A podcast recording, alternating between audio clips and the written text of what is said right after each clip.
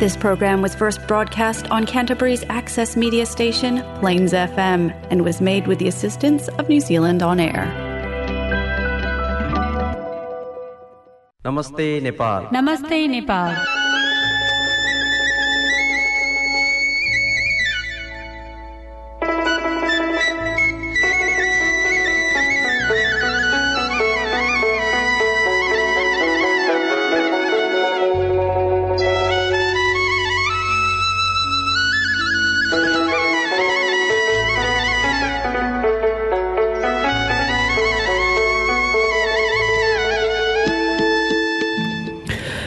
नमस्कार। Plains FM ninety six point nine मेगाहजमा यो हो क्राइसिसवासी नेपालीहरूको आफ्नै कार्यक्रम।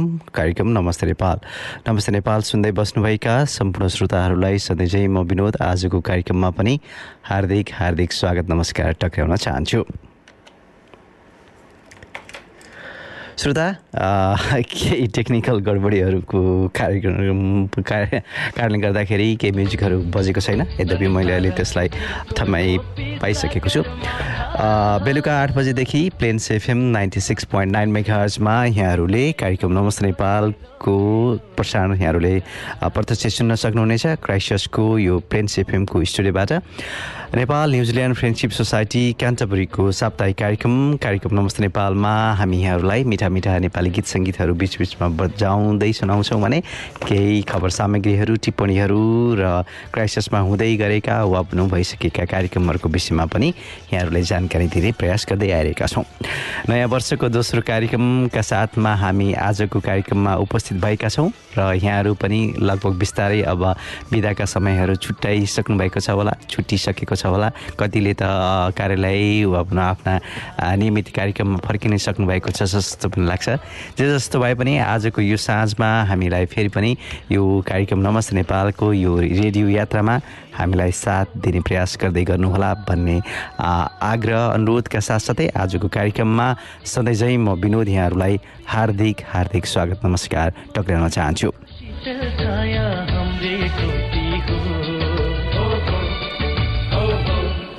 कहीं हजुर श्रोताहरू अब खबर खबरका कुराहरू पनि हुन्छन् अनि अब यहाँहरूलाई नेपालका धेरै खबरहरूको विषयमा त जानकारी भइ नै सकेका हुन्छन्। कति खबरहरू अलिकति आ, पान्ना पछाडि अलिकति लुकेका छिक्किएका वा भने हाम्रा नजरहरू चाँडै नै नतानेका खबरहरू पनि हाम्रा जीवनमा महत्त्वपूर्ण रूपबाट लिन्छन् पर्छन् र हाम्रो चासो चियोभित्र पर्छन् भन्ने हाम्रो अनुभव रहेको छ। त्यस्तै खालका खबरहरू हामी जोड्ने प्रयास गरिरहेका छौँ। श्रोता अब यहाँलाई थाहा भइ नै सकेको छ विशेष गरी विदेशमा रहेर नेपाल फर्कँदै गर्ने तयारी गर्नुभएको छ भने अब कोभिड सङ्क्रमण बढिसकेपछि नेपाल वायु सेवा निगमले विदेशबाट आउने यात्रुहरूलाई पिसिआर नेगेटिभ रिपोर्ट वा बारकोड सहितको कोभिड उन्नाइसको इन्टरनेसनल सर्टिफिकेट अनिवार्य साथमा राख्नका लागि अनुरोध गरेको छ। त्यस्तै श्रोता अब हामी विकेन्द्रीकरणको कुराहरू पनि गरिरहेका छौँ। सिंहदरबारका शक्तिहरू र त्यहाँको व्यस्ततालाई हामी केन्द्रबाट बिस्तारै विकेन्द्रीकरण वा भनौँ देशका विभिन्न क्षेत्र स्थानबाट पनि ती सेवा सुविधाहरूलाई सर्वसुलभ तरिकाले पाउनका लागि उपभोग गर्ने अवस्थाको पनि हामीले महसुस गरिरहेको बेलामा श्रम रोजगार तथा सामाजिक सुरक्षा मन्त्रालयले काठमाडौँबाट मात्रै प्रदान गर्दै आइरहेको संस्थागत र व्यक्तिगत श्रम स्वीकृति सेवालाई अब गत हप्तादेखि सातवटा प्रदेश स्तरबाट पनि प्रदान गर्न सुरु गरिसकेको छ र केही क्षेत्रहरूमा त यस अगाडि पनि सुरु भइ नै सकेको थियो। लगभग अब यो सातैवटा क्षेत्रबाट सातवटै क्षेत्रबाट अब ती श्रम स्वीकृतिको सेवा चाहिँ लिन पाइने भएको यो पनि अब खुसीकै खबर भएको अ, को रूपबाट हामीले लिनुपर्ने हुन्छ। श्रोता हामीले विभिन्न खालका खबरहरू विशेष गरी नेपाल र नेपालीहरूसँग जोडिएका खबरहरूले पनि हाम्रो हामीलाई अर्थ राख्छ। मन र माटोसँग हाम्रा मनहरू अझै पनि विदेशी भूमिमा बस्दै गर्दाखेरि पनि नेपालसँग जोडिएको नेपाली माटोसँगका हाम्रा मनहरू अझै पनि जोडि नै रहेका छन्। ती त्यस्तै कुराहरूले नेपाललाई दुख्दाखेरि हामीलाई पनि दुखेको महसुस हुन्छ अनि यी यस्तै कुराहरू समय सापेक्ष खुसीमा खुसी र दुःखमा हाम्रा पनि पीडाहरू त्यसरी नै बाहिर उजागर हुने गर्दछन्। अब त्यस्तै त्यस्तै प्रसङ्ग हो। र कुरा अब अलिकति खुसीको कुराहरू पनि हुन्छन्। अर्गेली को वनस्पतिको कुराहरू पनि सुन्नुभएको छ। हामीले व्यवहारमा अर्गेलिकको अलिकति छुट्याएको पर सार्न खोजेको जस्तो कुराहरूबाट पनि लिन्छौँ। यद्यपि अहिले अर्गेलीको बोक्राको छोटो प्रसङ्ग आजको कार्यक्रमको सुरुवातमा उठान गर्न चाहे श्रोता। जापानी नोट ऐन छाप्न प्रयोग हुने नेपालको उच्च पहाडी क्षेत्रमा पाइने वनस्पति अर्गेलीको बोक्रा जापान निर्यात हुने क्रम बढेर गएको पनि हाम्रो लागि खुसीकै कुरा हो। हुन त हाम्रा नेपाली कागज कारखानाहरू विशेष गरी गैँडाकोटमा रहेको बिर्कुटी कागज कारखाना बन्द भइसकेपछिका जापानसँग जोडिएका कुराहरू पनि आउने गर्दथे। आशा गरौँ अब यसरी अर्गेली जापानमा निर्यात हुँदै गर्दाखेरि हाम्रै देशमा पनि यी यस्तै कल कारखानाहरू फेरि उजागर भएर अलिकति जुमाएर आएर उठ्ने अवस्था सिर्जना होस्। हामी यस्तै खालको अब अलिकति बाहिरको प्रसङ्ग पनि यहाँ जोडेँ। अब नेपालको उच्च पहाडी क्षेत्रमा पाइने वनस्पति अर्गलीको बोक्रा जापान निर्यात बढेर गइसकेपछि अहिले वनमा सहजै पाइने अर्गेलीको बोक्राको पछिल्लो केही वर्षदेखि निर्यात हुन थालेको छ र त्यसको सङ्ख्या बढी नै रहेको छ। यो सँगसँगै व्यावसायिक खेतीको रूपबाट पनि यसको विकास हुँदै गएको छ। अर्गेलीको रेसादार बोक्राबाट जापानी नोट पासपोर्ट खाम हुलाक टिकट हुलाक टिकट कागज र कपडा समेत बनाइने गरेको रहेछ। श्रोता वन अनुसन्धान तथ्याङ्क अनुसार बिस लाख एकानब्बे हजार हेक्टर क्षेत्रफल क्षेत्रफलमा वार्षिक एक लाख दस हजार चार सय एकासी टन अर्गेलीको बोक्रा नेपालमा उत्पादन हुने अनुमान छ। तर हाल उपयोग उपयोग क्षमता एक हजार टन मात्र रहेको छ। एक हजार टन बोक्राबाट तिन सय तिस टन कागज उत्पादन उत्पादन गर्न सकिँदो रहेछ। एक केजी ताजा र वयस्क बोक्राबाट चार सय ग्राम नेपाली कागज उत्पादन हुन्छ। ताजा बोक्राबाट तिन सय ग्राम उत्पादन हुन् उत्पादन हुन्छ भने आर्थिक वर्ष दुई हजार अठहत्तर उनासीमा पन्चानब्बे हजार किलो किलो अर्गेलीको बोक्रा चाहिँ निर्यात भएको यो सङ्कलन तथ्याङ्क रहेछ श्रोता आजको कार्यक्रममा अर्गेलोसँग जोडिएको हाम्रो नेपाली मनको यो कुरा सँगसँगै यहाँहरूलाई अब एउटा मिठो गीत प्रस्तुत गर्न चाहन्छु। मिठो गीत सँगसँगै रमाइलो गर्ने प्रयास गर्दै गर्नुहोला। अशोक दर्जीको यो आवा आवाज आफैमा मनसँग जोडिएको छ। धन बिनाको मन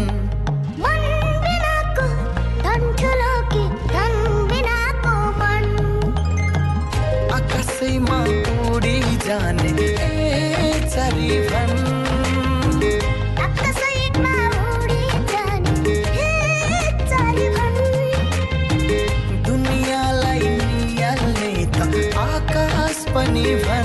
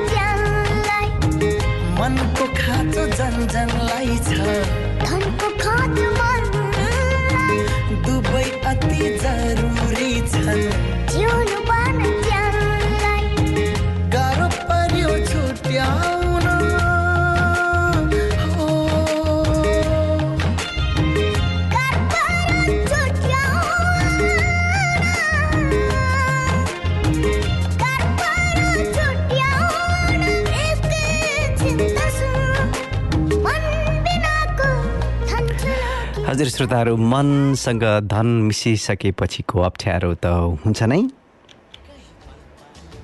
नमस्ते नेपाल।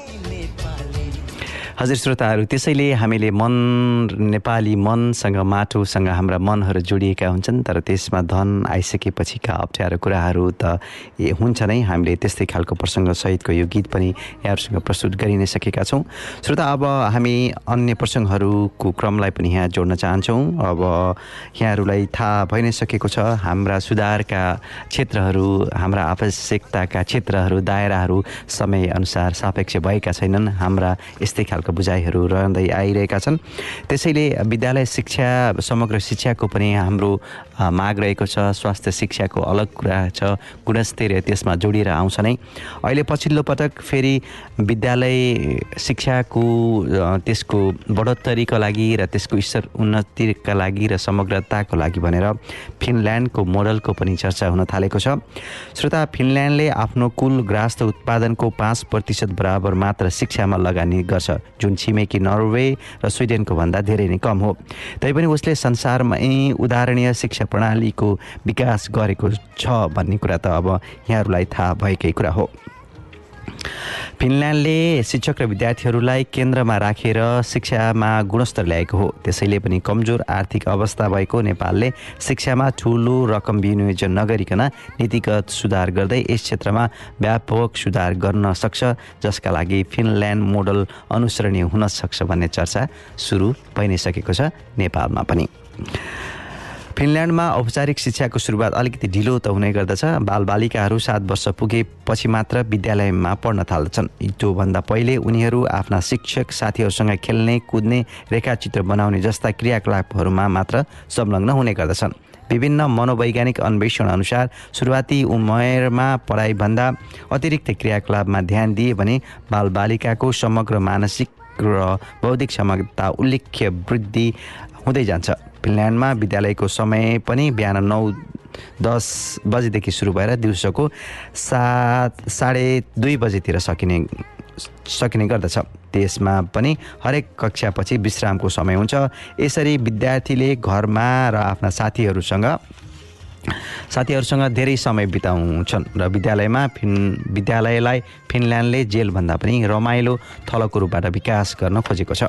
फिनल्यान्डको सार्वजनिक शिक्षाको अर्को विशिष्टता भनेको परीक्षा उच्च विद्यालयको अन्त्य शिक्षाको अस्तो अर्को विशिष्टता भनेको परीक्षा पनि हो श्रोता। परीक्षा उच्च विद्यालयको अन्त्यमा मात्र र गृह कार्यमा सीमित हुनु हो। धेरै मनोवैज्ञानिकका अनुसार नियमित परीक्षाका कारण विद्यार्थीहरूको स्मरण शक्तिमा क्षणिक वृद्धि हुन्छ भने दीर्घकालीन रूपमा समग्र मानसिक र बौद्धिक विकासमा हानि पुर्याउँछ भन्ने छ। फिनल्यान्डमा एउटा मात्र परीक्षा हुन्छ र उच्च माध्यमिक तहपछि मात्र। विद्यार्थीहरूको ग्रेडिङ सम्बद्ध शिक्षकहरूबाट नै हुने गर्दछ। यसरी फिनल्यान्डको मोडल के नेपालमा पनि शिक्षाको सुधार गर्नका लागि समय सापेक्ष होला त यो चर्चाको बिचमा पनि मैले यहाँहरूलाई यो प्रसङ्ग उठाइ नै सकेको छु। श्रोता पछिल्लो कार्यक्रममा अघिल्लो कार्यक्रममा मैले गौतम बद्ध अन्तर्राष्ट्रिय विमानस्थलको अन्तर्राष्ट्रिय उडान प्रभावित भएको कुरा पनि उल्लेख गरेको थिएँ र त्यसको त्यो हुनुमा सञ्चालनको सात महिनामै विमानस्थलले यस किसिमको समस्या भोग्नु वा भनौँ अन्तर्राष्ट्रिय उडान ठप्पै भए जस्तो भएको खबर सुन्दा हामीलाई निश्चय नै दुःख लाग्छ। यो उदेक राख्दो कुरा पनि हो र भारतले गरेको असहयोग र आफ्नै सरकारी कमजोरीहरू पनि यसका बढी जिम्मेवार छन् भन्ने कुरा फेरि पनि यहाँ दोहोऱ्याउनु पर्ने हुन्छ।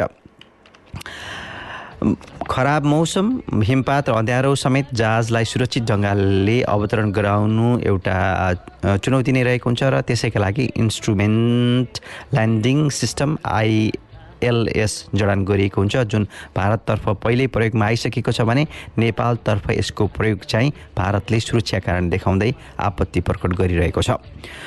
त्यसैको कारण पनि अब अन्तर्राष्ट्रिय विमानस्थलमा अन्तर्राष्ट्रिय उडानहरू हुन सकिरहेका छैनन्। अब त्यसैको कुरा भयो भारतीय असहयोगको अर्को पाटोमा हवाई रुटको मुद्दा पनि जोडिएको छ। भैरवाबाट बाहिर भैरवामा बाहिरबाट आउने जहाज भारततर्फबाट सिधै पस्न पाउँदैनन् निकै पूर्वको सिमरा रुटबाट छिरेर लामो बाटो सम्हाल्दै आउनुपर्ने हुन्छ जसले गर्दा बिसदेखि चौबिस मिनट अतिरिक्त समय र ऊर्जा खर्च लाग्छ।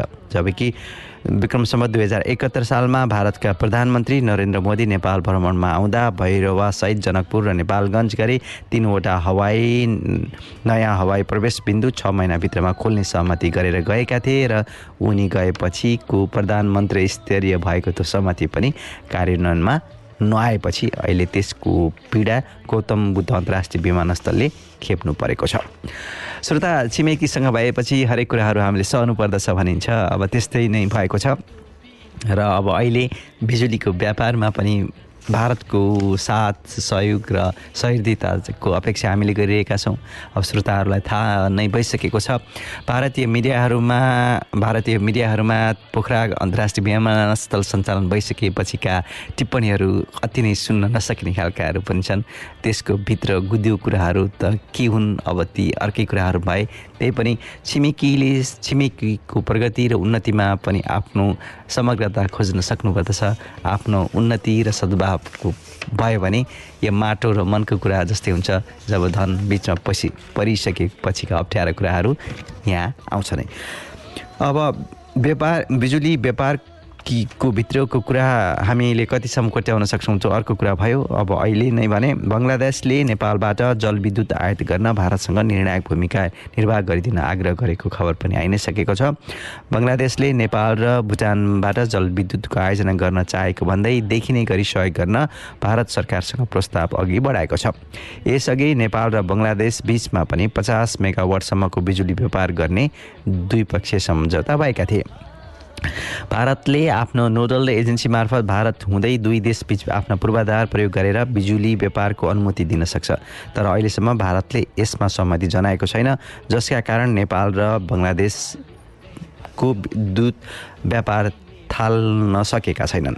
र यसरी नै हामीले बिजुली व्यापारको कुरा गर्दै गर्दाखेरि भारतको भूमिकाको र सहयोगको पनि अपेक्षा गरिरहेका हुन्छौँ। अब यस्तै यस्तै खालको खबर सँगसँगै। श्रोता बेलुका आठ बजेदेखि सुरु भएको कार्यक्रम नमस्ते नेपालमा फेरि पनि अर्को एउटा मिठो गीत प्रस्तुत गर्ने बेला भइ नै सकेको छ। अब त्यसपछि फेरि पनि बाँकी रहेका प्रसङ्ग उठाउने नै छु। अहिले नै भने यो रमाइलो गीत।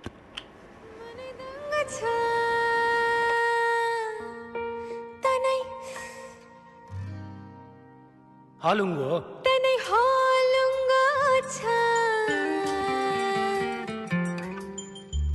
छ साथमा मौसम रंगीन छ।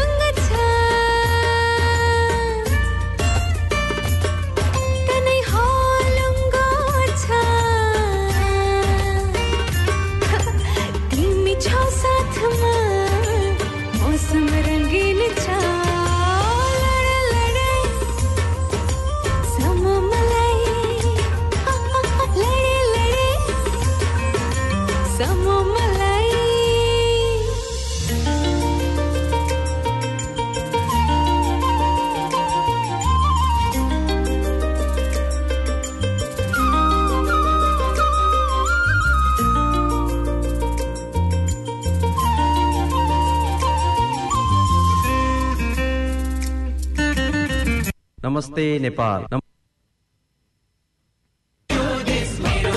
तपाईँहरू सुन्दै हुनुहुन्छ।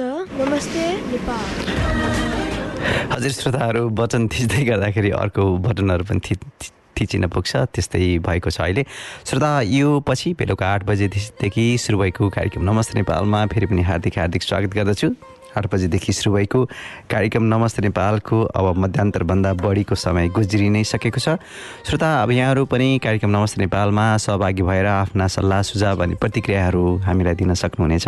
त्यसका लागि हामीलाई प्रत्यक्ष रूपबाट सम्पर्क गर्ने प्रयास गर्नुहोला। क्राइसिसमा यदि हुनुहुन्छ भने यदि त्यहाँभन्दा अलिकति पर कत- टाढा वा आफ्नो व्यक्तिगत सम्पर्क यदि सम्भव छैन भने हामीलाई Namaste Nepal Christ New Zealand नामको फेसबुक पेज मार्फत पनि सम्पर्क राख्न सक्नुहुनेछ। त्यस्तै Namaste Nepal Christ at Gmail dot com पनि हाम्रो इमेल एड्रेस रहेको छ।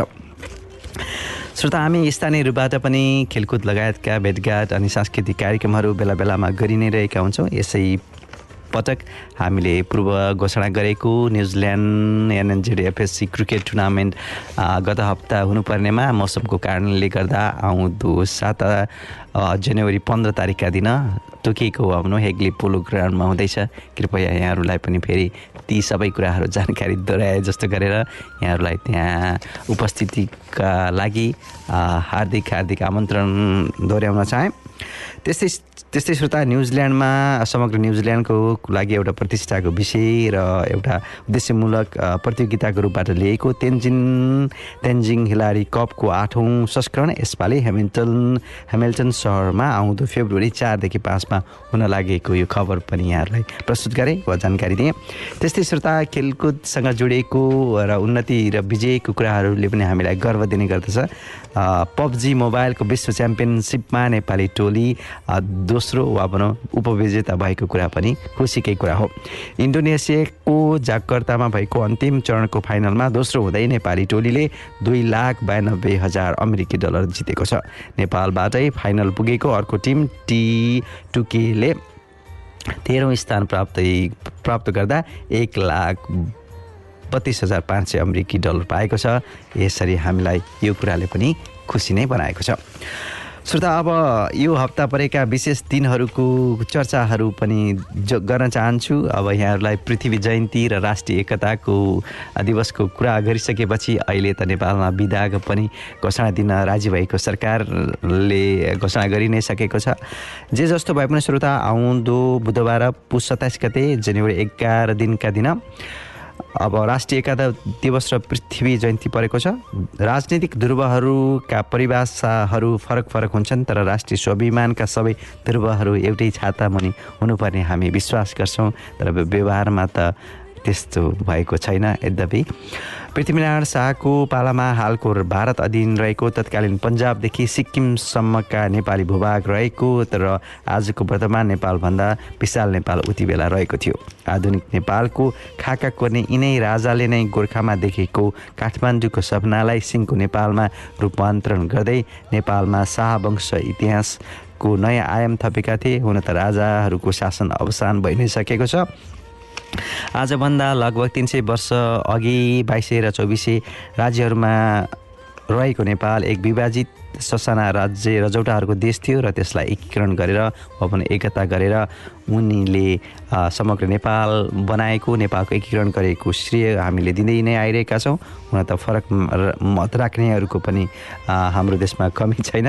विक्रम सम्बत सत्र सय उनासीमा यसै दिन वा भनौँ पुस सत्ताइस गतेका दिन ना राजा नरभूपाल शाह र कौशल्यावती रानी कौशल्यावती देवीको प्रथम पुत्रको रूपबाट पृथ्वीनारायण शाहले आधुनिक नेपालको खाका कोरेका थिए वा भनौँ त्यसरी जन्मिएका पृथ्वीनारायण शाहले नै आधुनिक नेपालको खाका सुरु गरेका थिए यसरी उनको स्मरणमा नै पृथ्वी जयन्ती मनाउने गरिन्छ श्रोता भक्का भन्ने एउटा खानेकुरा हो भक्काको विषयमा पनि यहाँहरूले सुन्नुभएको छ जस्तो लाग्छ भक्का कोच राजवंशी समुदायहरूको एक विशेष प्रकारको खानेकुरा हो र र कोच राजवंशी समुदाय तथा पूर्वी तराईमा बसोबास गर्ने समग्र आदिवासी समूह समुदायहरूले पुस उन्तिस गतेका दिनलाई राष्ट्रिय भक्का दिवसको रूपबाट मनाउने गर्दा रहेछन् र राजवंशी समुदायको परम्परागत परिकार भक्का पूर्वी नेपालको सर्वाधिक रुचाइने एउटा परिकार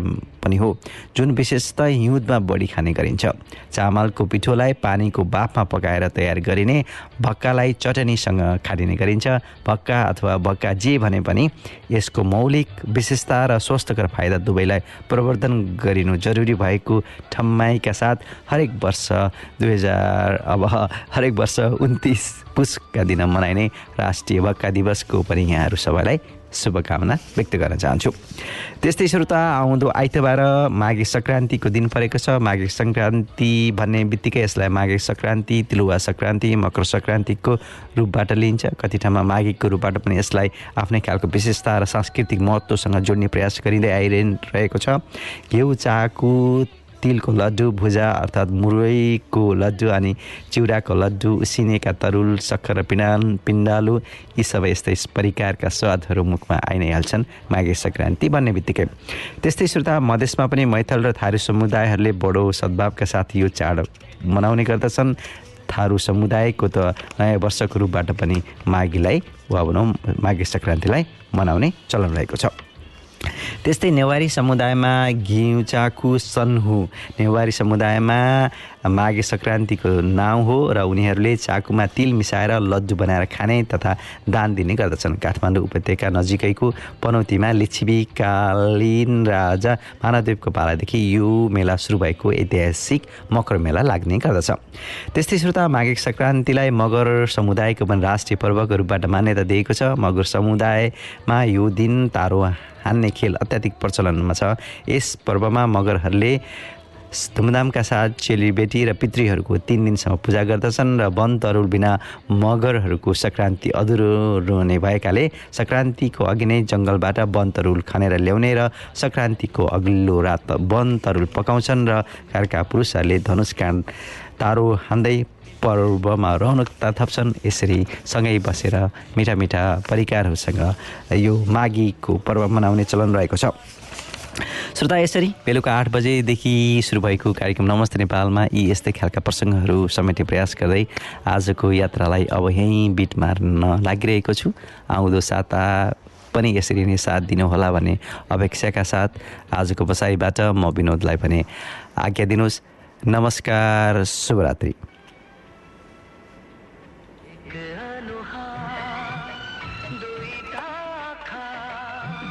एउटा तिमी हरेकोमा एउटा तिमी हरेकोमा एकै